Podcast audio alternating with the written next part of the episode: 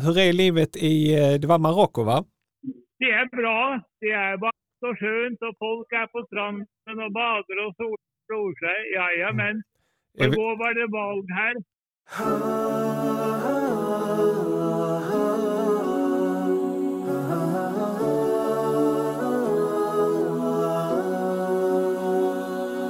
Assalamu alaikum och hjärtligt välkommen till Koranpodden och till säsong 7. Jag heter Sally och detta är podcasten som hjälper dig förstå Allahs ord och där vi träffar spännande personer och samtalar med dem om hur Koranens budskap påverkar deras liv. Du lyssnar på andra poddavsnittet för säsong 7 och idag ska du få lyssna på ett kort men kraftfullt anförande av Leif Ahmed som efter 40 år som präst valde att konvertera till islam. Leif Ahmed har tidigare gästat Koranpodden, poddavsnitt 150 med rubriken Från präst till muslim med Leif. I det avsnittet berättar Leif bland annat om hur han upptäckte kristendomen och vad det var som gjorde att han blev präst. Leif berättar också vad det var som fick honom att ompröva sin kristna tro och den speciella dragning som han kände för islam. Intervjun avslutas med att Leif läser en koranvers som har berört honom extra mycket. Efter att du har lyssnat klart på denna tidigare intervjun kommer du känna dig både inspirerad, stärkt och motiverad att fortsätta din egna andliga vandring. Om du har missat samtalet så rekommenderar jag att du går tillbaka i arkivet och lyssnar. koranpodden.se 150. Men för detta avsnittet ringde jag upp Leif Ahmed i Marocko medan han satt på ett café. Bästa wifi-täckningen finns där. Dessvärre blev det ett kort avbrott mitt i anförandet då jag tappade signalen. Detta var det endast i några sekunder. Leif Ahmed höll ett kort anförande om varför han inte längre tror på inkarnationsläran. Den kristna läran om att Jesus Kristus både är Gud och människa. Tron att Jesus skulle vara Gud är något som kraftfullt avvisas i Koranen där det står att läsa وإذ قال الله يا عيسى ابن مريم أأنت قلت للناس اتخذوني وأمي إلهين من دون الله قال سبحانك ما يكون لي أن أقول ما ليس لي بحق إن كنت قلته فقد علمته تعلم ما في نفسي ولا أعلم ما في نفسك إنك أنت علام الغيوب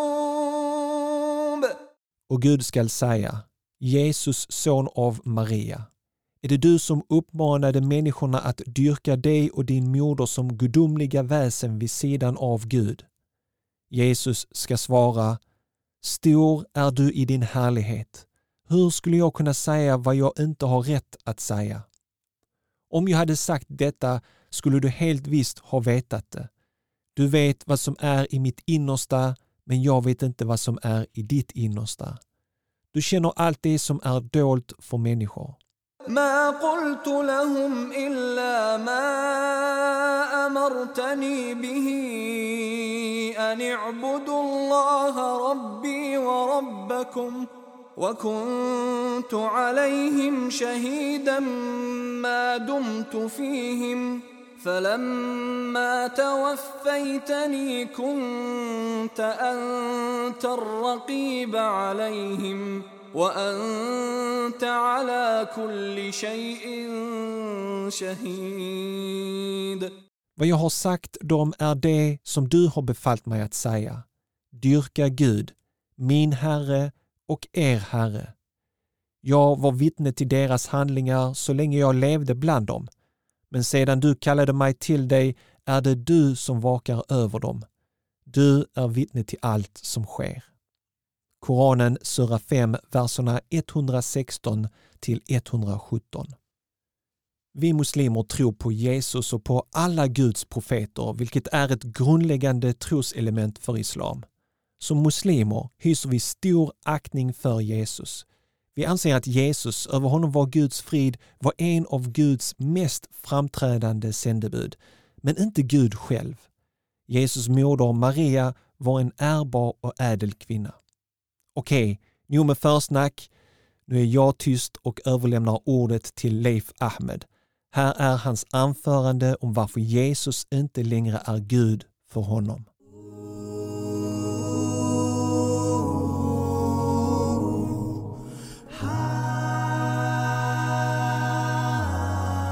Ja. Och då ska jag börja med att ställa en fråga. Ja, En fråga som Jesus själv ställde för 2000 år sedan. Frågan lyder som så. Vem säger människorna att jag är? Det är Jesu lärjungar som svarar på frågan. Många tror att du är Elia. Elia är ju känd från det gamla testamentet. Andra tror att du är en i raden av profeterna. Det trodde många bland folket. Då frågar Jesus sina lärjungar direkt. Vem säger så ni att jag är? Lärjungarna svarar. Du är Messias. Det intressanta med svaren är ju att varken folket eller lärjungarna säger att Jesus är Guds son. Elia är ju en skapt människa. Profeterna är skapta människor. Till och med Messias är en skapt människa. Messias är ju ett hebreiskt ord och betyder den smurda. Den som är smord med olja. Översatt till grekiska blir det Kristus. Jesus Kristus. Jesus den smorde. I Gamla testamentet blev kungen, prästen och några profeter smorda med olja. David till exempel blev smord med olja. Herrens ande kom över honom. Han blev utvald. Till och med perserkungen Kyros den andre var Messias. Han var så smord. Jesus var Messias. Han blev inte smord med olja. Det blev han inte. Men han fick namnet Kristus, den smorde.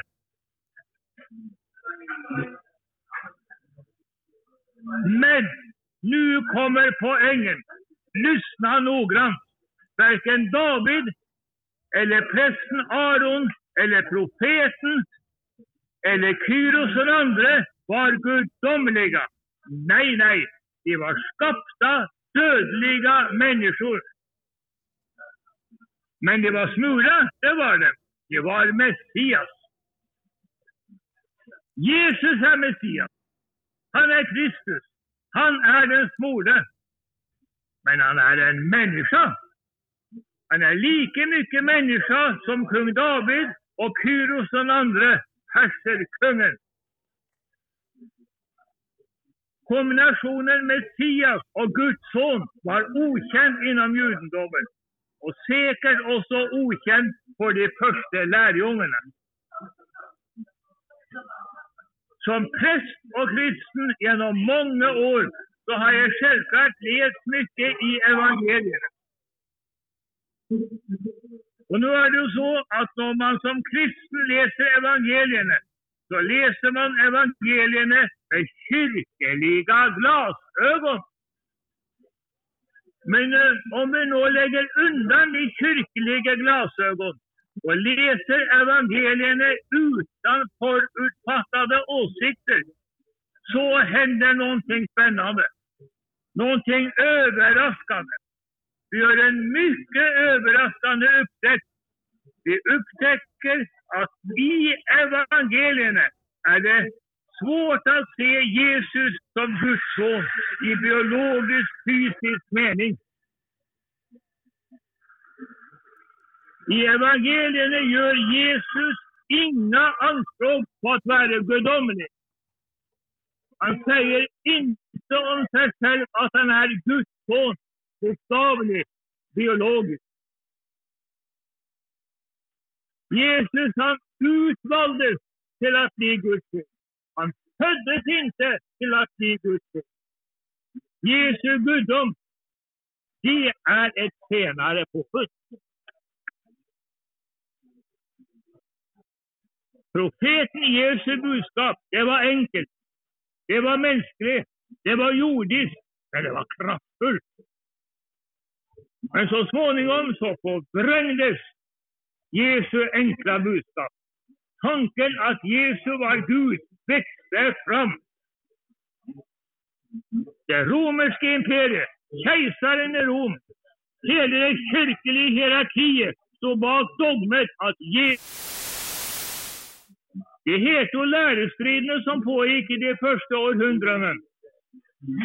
De antyder ju att eh, kristna den gången de såg Jesus som en människa. Biskop Paulus i Antiochia till exempel, han skriver att när evangelierna talar om Jesus som Guds son, så är det rent symboliskt att förstå. Och det skriver han som är biskop Jesus var en människa som var upphöjd till Gud, inget annat. Som var upphöjd av Gud, inget annat. Arius, präst i Alexandria, han hävdade att Jesus var en dödlig människa. En människa som Gud hade utvalt. Gud är en, outkomlig för mänsklig kunskap åtskild från alla skapade varelser. Detta var Arius åsikt och vi muslimer, vi har den samma åsikt. Gud är åtskild från allt, alla skapade varelser. Det tyckte Arius. Det tycker vi muslimer. Dessa heta lärostrider de kulminerade ved kyrkomøtet i Nikea år 325. Ved kyrkomøtet så fastslås entydig at Jesus er Gud. Bak dette sto påven i Rom, keiseren og mange andre. De bestämde att Jesus är Gud. Men så var det inte till att börja med. Jesus själv sa aldrig att han var Gud. Jesus sa om sig själv att han var Människosonen, en människa. När han inte kallade sig själv för Människosonen så talade han i liknelse. Han gjorde aldrig anspråk på att vara Gud. Jesus är en skapad människa. Han är inte Gud. Men han är upphöjd av Gud. Han är utvald av Gud. När hände så detta i Jesu liv? Jo, vid dopet. Jesus blev döpt i Jordanfloden. Och när han steg upp ur vattnet så sänkte den, sänkte den heliga Ande sig ner över honom. Han blev beklädd med helig Ande. Och en röst hördes från himlen. Du är min älskade son. Men detta ska inte förstås bokstavligt, biologiskt. Nej, nej. Det som sker när Jesus döpes, det är en adoption. Gud adopterar Jesus. Jesus blir Guds adoptivson. Han får något gemensamt med sin adoptivpappa. Men inte bokstavligt, inte biologiskt. Nej, nej, nej. Adoptivpappan Gud, han delegerar många gudomliga uppgifter, gudomliga funktioner till Jesus. Jesus är en extremt upphöjd människa, men han är inte Gud. Vi har fått höra om Jesu dop och rösten från himlen som sade, du är min son. Men det finns också en annan berättelse i evangelierna och en röst ropar från himlen, du är min son. Det är berättelsen om hur Jesus tar med sig tre lärjungar upp på ett högt berg. Där uppe på berget händer märkliga saker.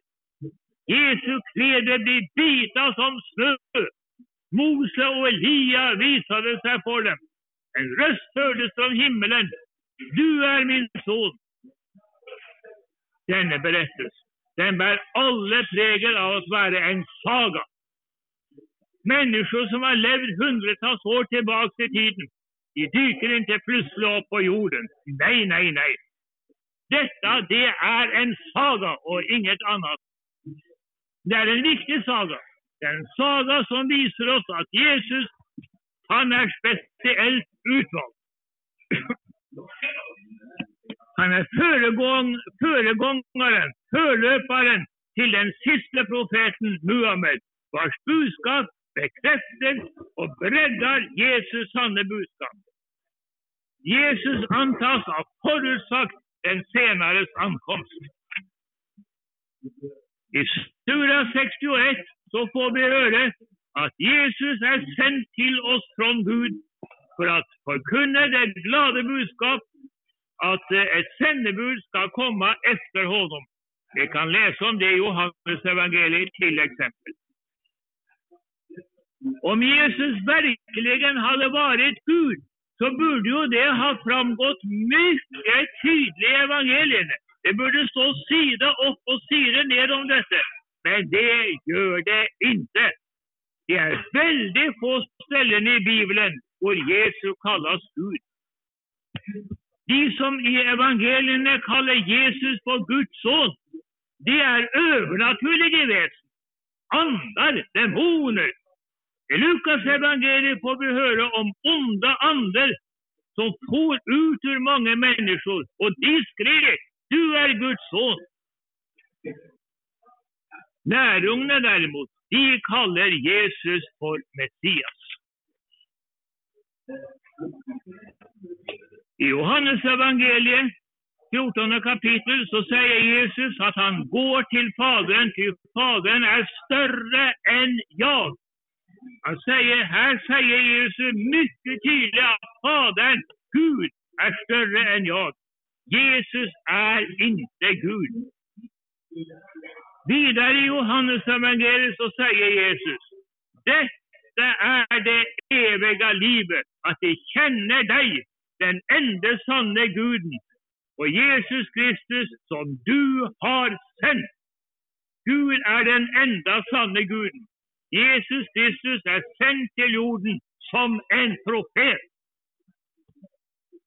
I början av sin profettid så fördes Jesus ut i öknen för att frestas av djävulen, Satan.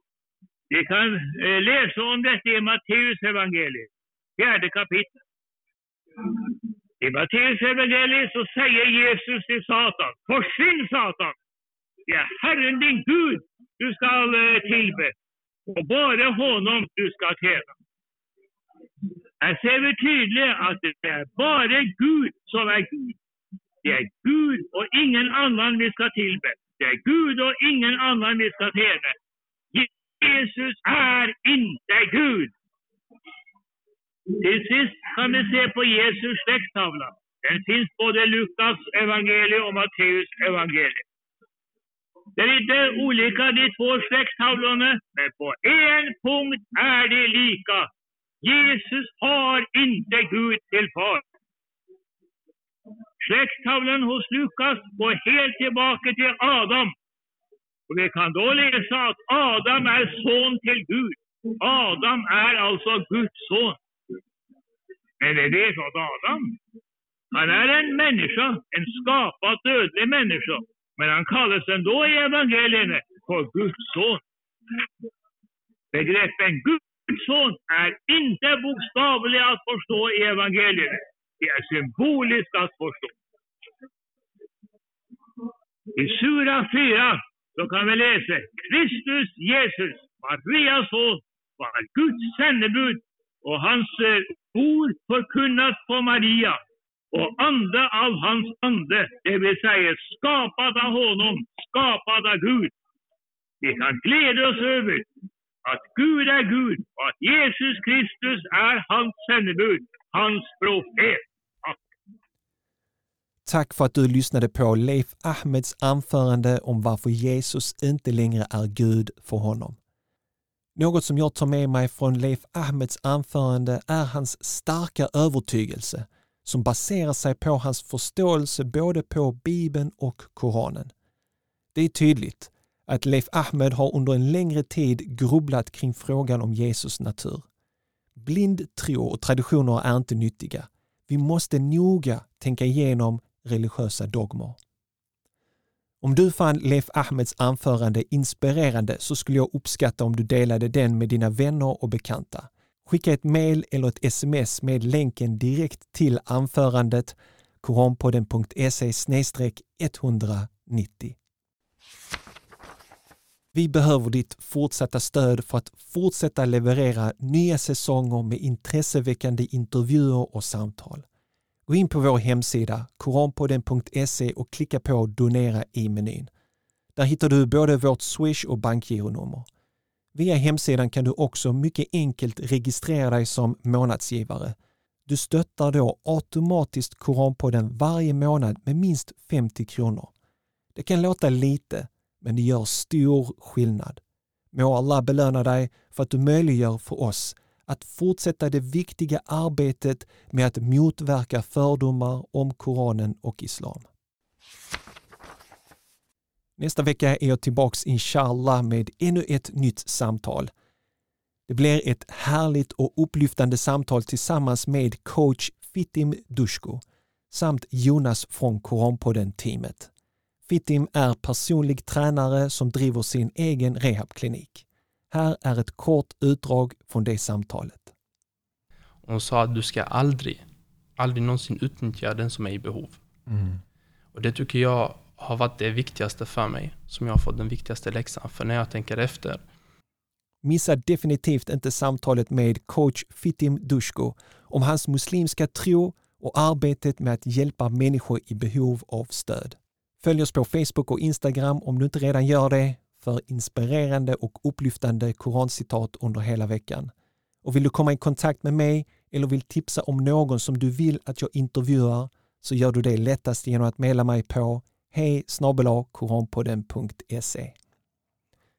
Då återstår det bara för mig att önska dig en härlig vecka. Tack för att just du lyssnar på Koranpodden och följer den nya säsongen, säsong 7. Vi hörs igen nästa vecka på måndag inshallah. Ta hand om dig tills dess. السلام عليكم ورحمة الله وبركاته.